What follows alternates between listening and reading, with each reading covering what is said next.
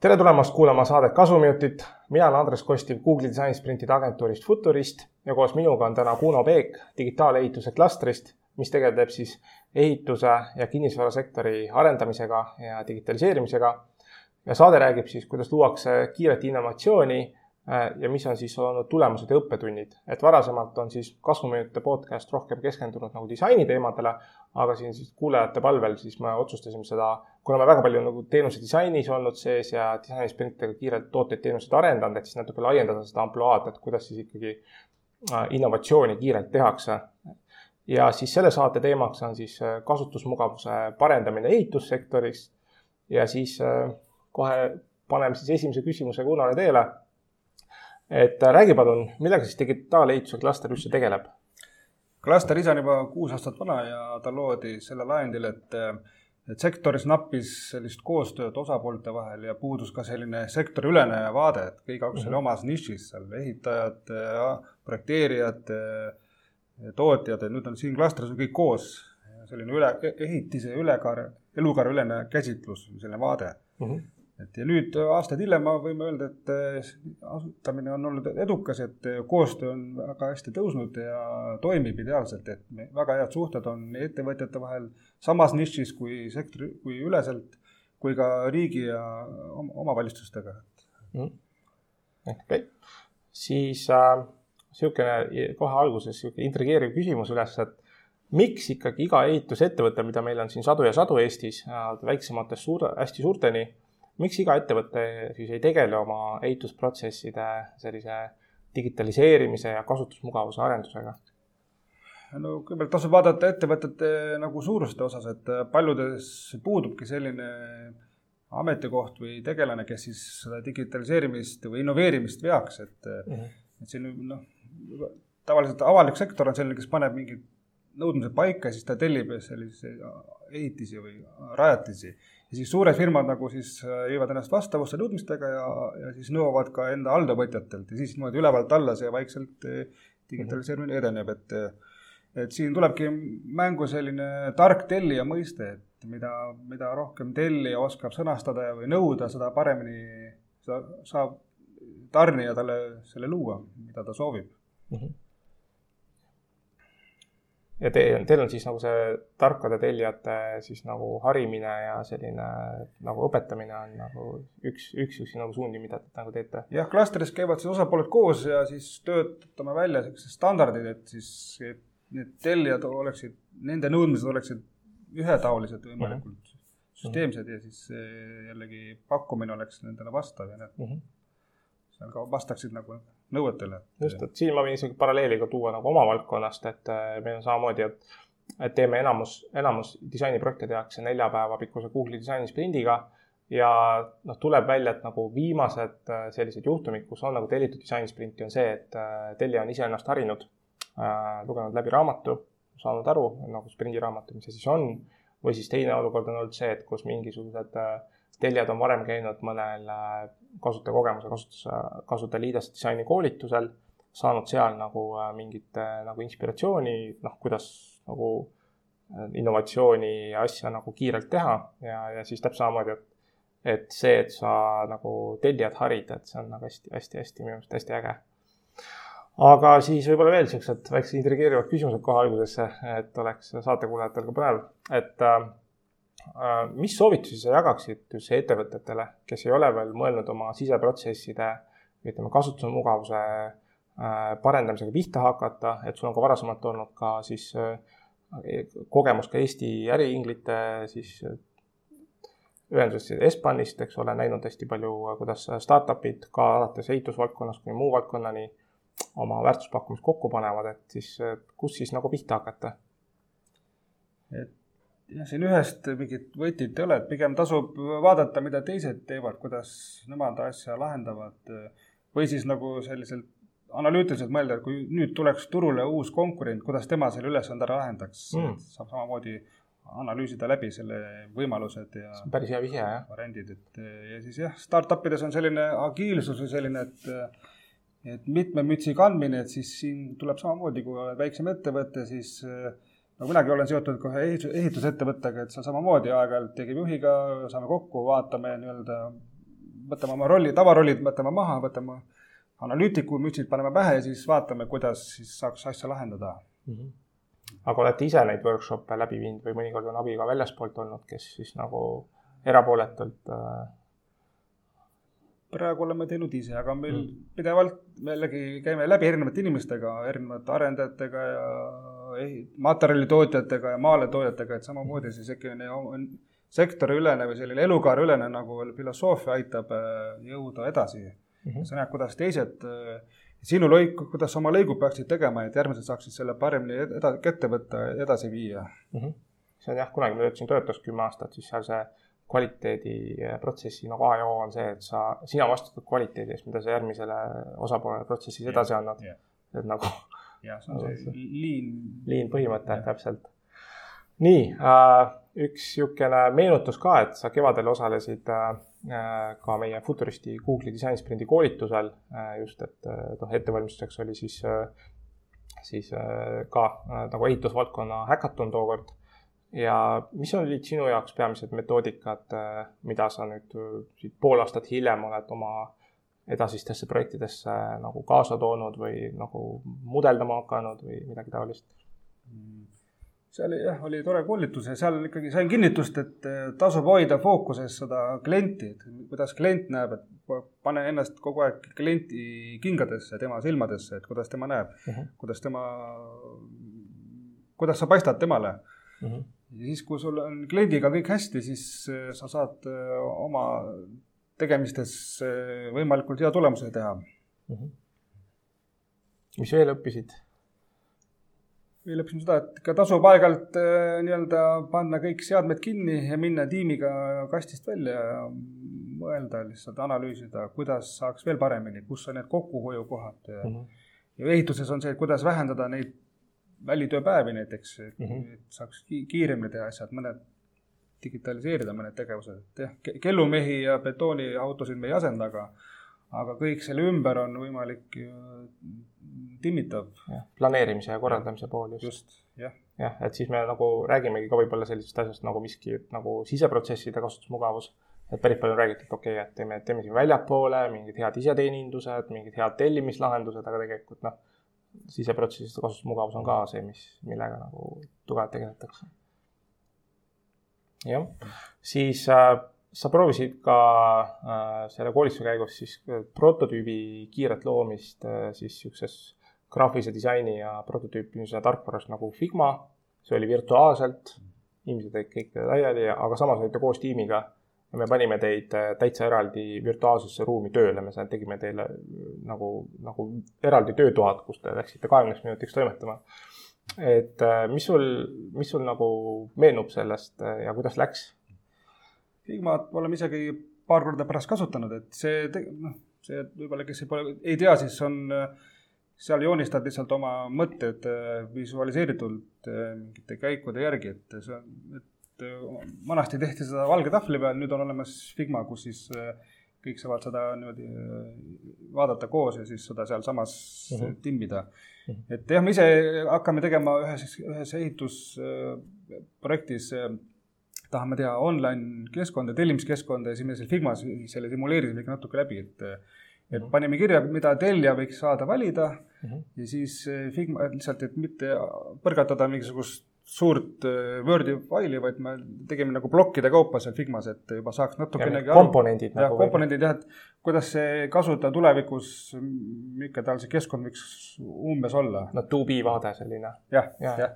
ja siis selle anname siis pärast äh, kodule arendajale mm. -hmm siis ta saabki teha meile juba nii, mida me tahame. just, mul meenub ka, te vist koolituse käigus otsustasite, et te timmisite mingisugust minu meelest mingit ehitusportaali ma mäletan, mingi ehitusportaalil tegid uue teenuse, on ju, täiesti ja, ja siis äh, et seal tegelikult seda teenuse, teenuse loomine hakkaski niimoodi, siis tänases portaalis põhimõtteliselt screenshot'i ja ütlesid, et okei okay,, sinna alasse võiks mingi uue asja teha ja siis põhimõtteliselt saab nagu Figmas nagu peale, noh, peale prototüüpida realistliku pildi, et kuidas see uus asi välja näeb.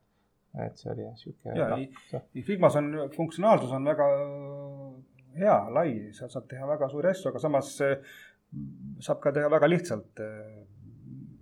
just nüüd alguses saaks, saaks minema selle asjaga, et mm -hmm. see ei peagi olema ekspert seal, vaid väga alg-, algaja kasutaja, nagu mina sain seal juba mõned mm -hmm. kuubikud ja niisugused lahtrid tehtud, et väga mõnus mm. -hmm et selles mõttes jah, et äh, need, kes pole varem nagu katsetanud Figma taotlus prototüübimistarkvara, et, et tegelikult laias plaanis ta töötab nagu Google Docs, et sul on esiteks nagu ühistöö pilves, mitu inimest, üks joonistab ühe kasti, teine joonistab teise kasti, kolmas paneb teksti, siis täpselt samamoodi kõik salvestatakse pilve, et kui sul midagi arvuti vastu taevast lendab, et sul, sul ei sõltu mingi äh, seal arvutis olevast failist ja, ja siis tegelikult on nagu päris lahe ka see, et et need oskused, mis sul peavad tõesti olema, on see, et kui sa nagu PowerPointis mingeid slaide ja mingisuguseid kastikesi joonistanud, siis põhimõtteliselt suht sama asi on ka Figmas, et sul on kasutajaliideses on sul pealkiri, kasutajaliideses on sul abitekst ja siis on mingi nupp, mis midagi teeb, on see siis checkbox või rippmenüü või ma ei tea, vajuta, et edeneda või mingisse sammu lähed, et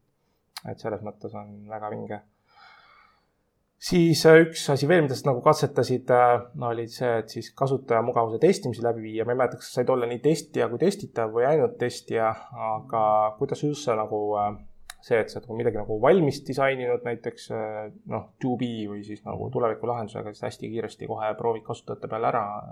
et, et mis, et kuidas, kuidas sulle tundus see?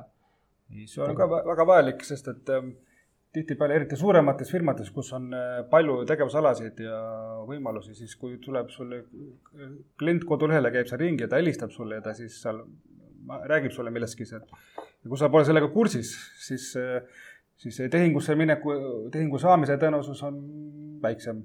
et sellega tasub alati klienti nii-öelda teekonda matkida, läbi käia, selle, pidevalt seda arendada, ajakohastada, et siis äh, siis sinu tõenäosus nagu diili saada on ähm, selle võrra suurem, et kui sa oled mhm. kliendiga samal lehel mm. -hmm. jällegi see kliendi vaate fookuses hoidmine, et sa mm, -hmm. et õiged märksõnad, õiged asjad oleksid esil mm. -hmm. jah, et mõttes, et tegelikult suht, suht lihtne on, kui te, noh, teie nagu saatekuulajad omavad mingisugust teenust, nad saavad nagu hästi kiiresti äh, nagu aru sellest, et milline on peamine voog, mida klient peaks nagu kasutama.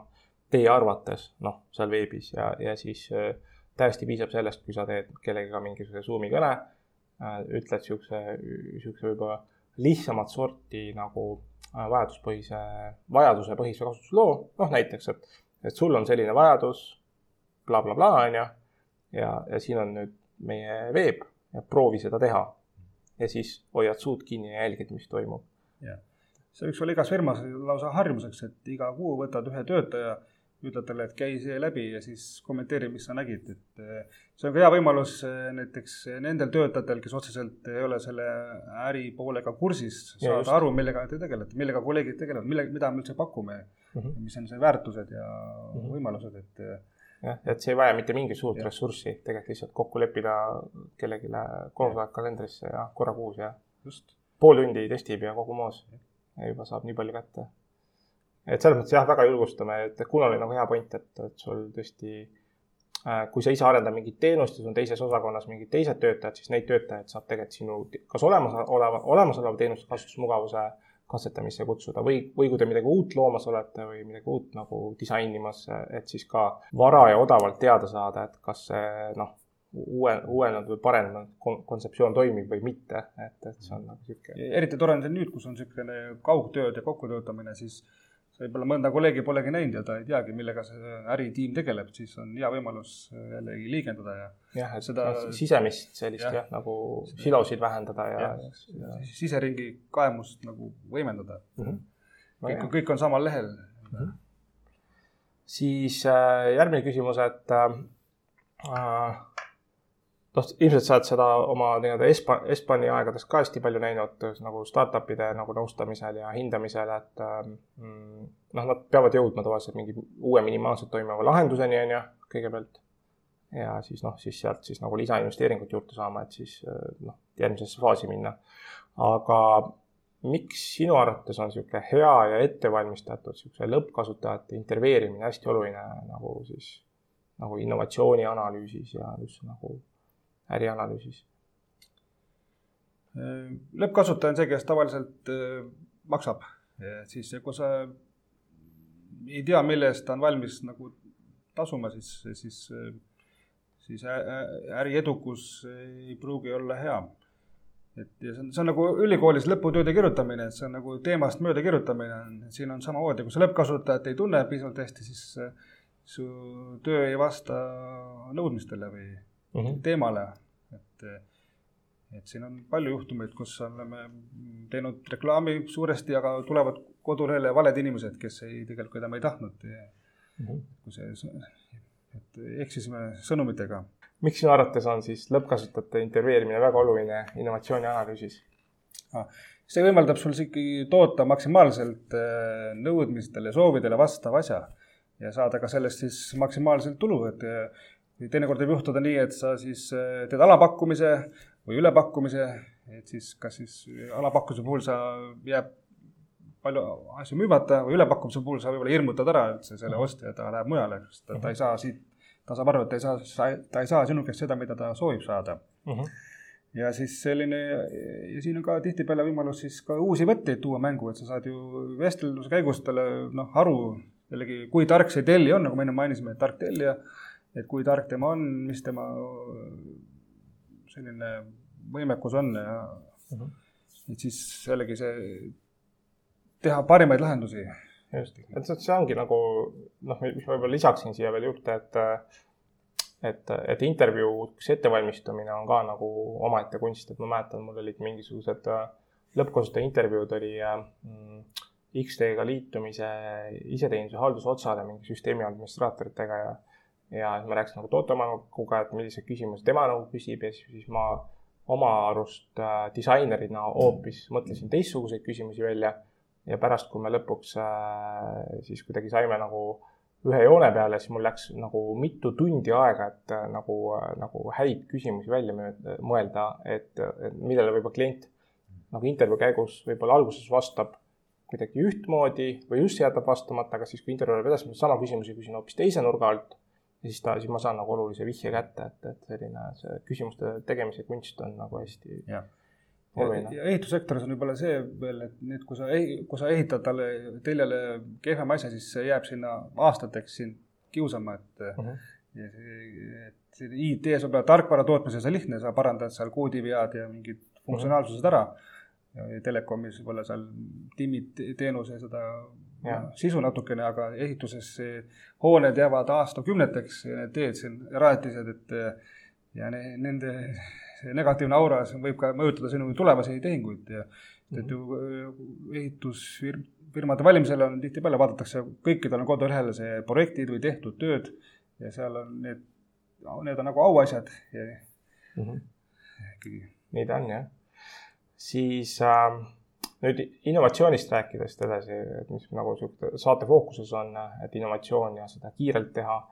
et äh, üks viis siis nagu innovatsiooni kiirelt luua on siis häkatonid ja siis, siis mainisid mulle, et äh, teil on varsti siis uus häkaton tulemas, et räägi siis palun, kus, äh, kus, mis ja miks toimub ja, ja miks see võiks nagu ja kellele üldse on see mõeldud? jah, et tõsi on, et kakskümmend neli kuni kakskümmend kuus september toimub kolmas rahvusvaheline digiehituse häkaton kus siis äh, õla panevad alla Eesti Majandusministeerium, äh, Soome Keskkonnaministeerium, äh, lisaks on puitmaja klaster ja soomlaste Kirahuub ehk siis digitaalehituse klastri sarnane ühing Soomes uh. -huh. riigi kinnisvara aktsiaselts on seal väljas oma challenge'iga ja veel mitmed tublid firmad ja tegijad uh. -huh. et see on kõigile mõeldud ja see on üks hea koht, kus ka näiteks needsamad, need väiksemad ehitusettevõtted ja sektoris osalevad eh, ettevõtted, kellel pole endal sellist innovatsiooniisikuid või võiksid vabalt tulla oma tiimidega kohale sinna ja seal siis eh, näha, kuidas asju. kus innovatsiooni luuakse ja, kiirelt. mis need tulevikumõtted või soovid on, et mm -hmm. ja miks mitte tulla kohale, see on reedest kuni pühapäevani klassikaline hakaton, mida korraldab meil meie koostööpartner Garage nelikümmend kaheksa, otsige netist. Nende veebil on näha see juba üleval ilmselt. jess, jah. Garage nelikümmend kaheksa, guugeldage kohe. punkt org, seal on org. Garage nelikümmend kaheksa punkt org. nii, et seal on siis üleval, saab regada. just. aga kus see toimub, kus? Äh, toimub äh, nii, see on nagu hübriid, toimub nii Tallinnas, Helsingis kui ka internetikeskkonnas, et mm -hmm. Tallinnas on meie võõrustajaks äh, Kunstiakadeemia mm ega, ega mingis majas saate ega, ega kompleksis oleme kohapeal ja, ja, ja lähedal on kõik toredad kalamaja kohad, kus saab vahepeal käia mõtteid edasi viimistlemas mm. -hmm ja kindlasti sinna tiimi on oodatud äh, mõned äh, disainerid, kes siis aitavad nagu visandada äh, tiimidele, et. see on, kõik on oodatud sinna, nii need, kes on sektoriga seotud kuidagi või need, kes üldse pole seotud, et need on, nemad on nagu siis annavad seda tellija vaadet või sellist mingit oma muud ekspertiisi, mis on. kastist välja mõtleja ja, vaadet. jah, et see on, et see on väga tervitatav mm. -hmm. ja mis, kui see hackathon praegu läbi saab, mis, mis seal edasi on plaanitud selle tulemiga teha?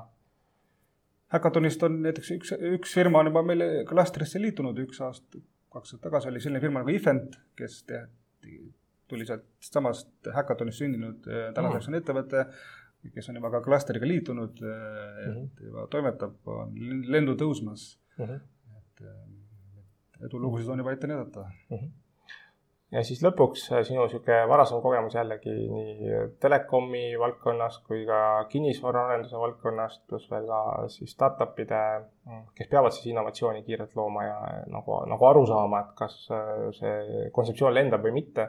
Et kuidas sinu arvates äh, saab luua siis innovatsiooni kiirelt, et mis niisugused paar asja, mis sul on nagu meelde jäänud kogemusest?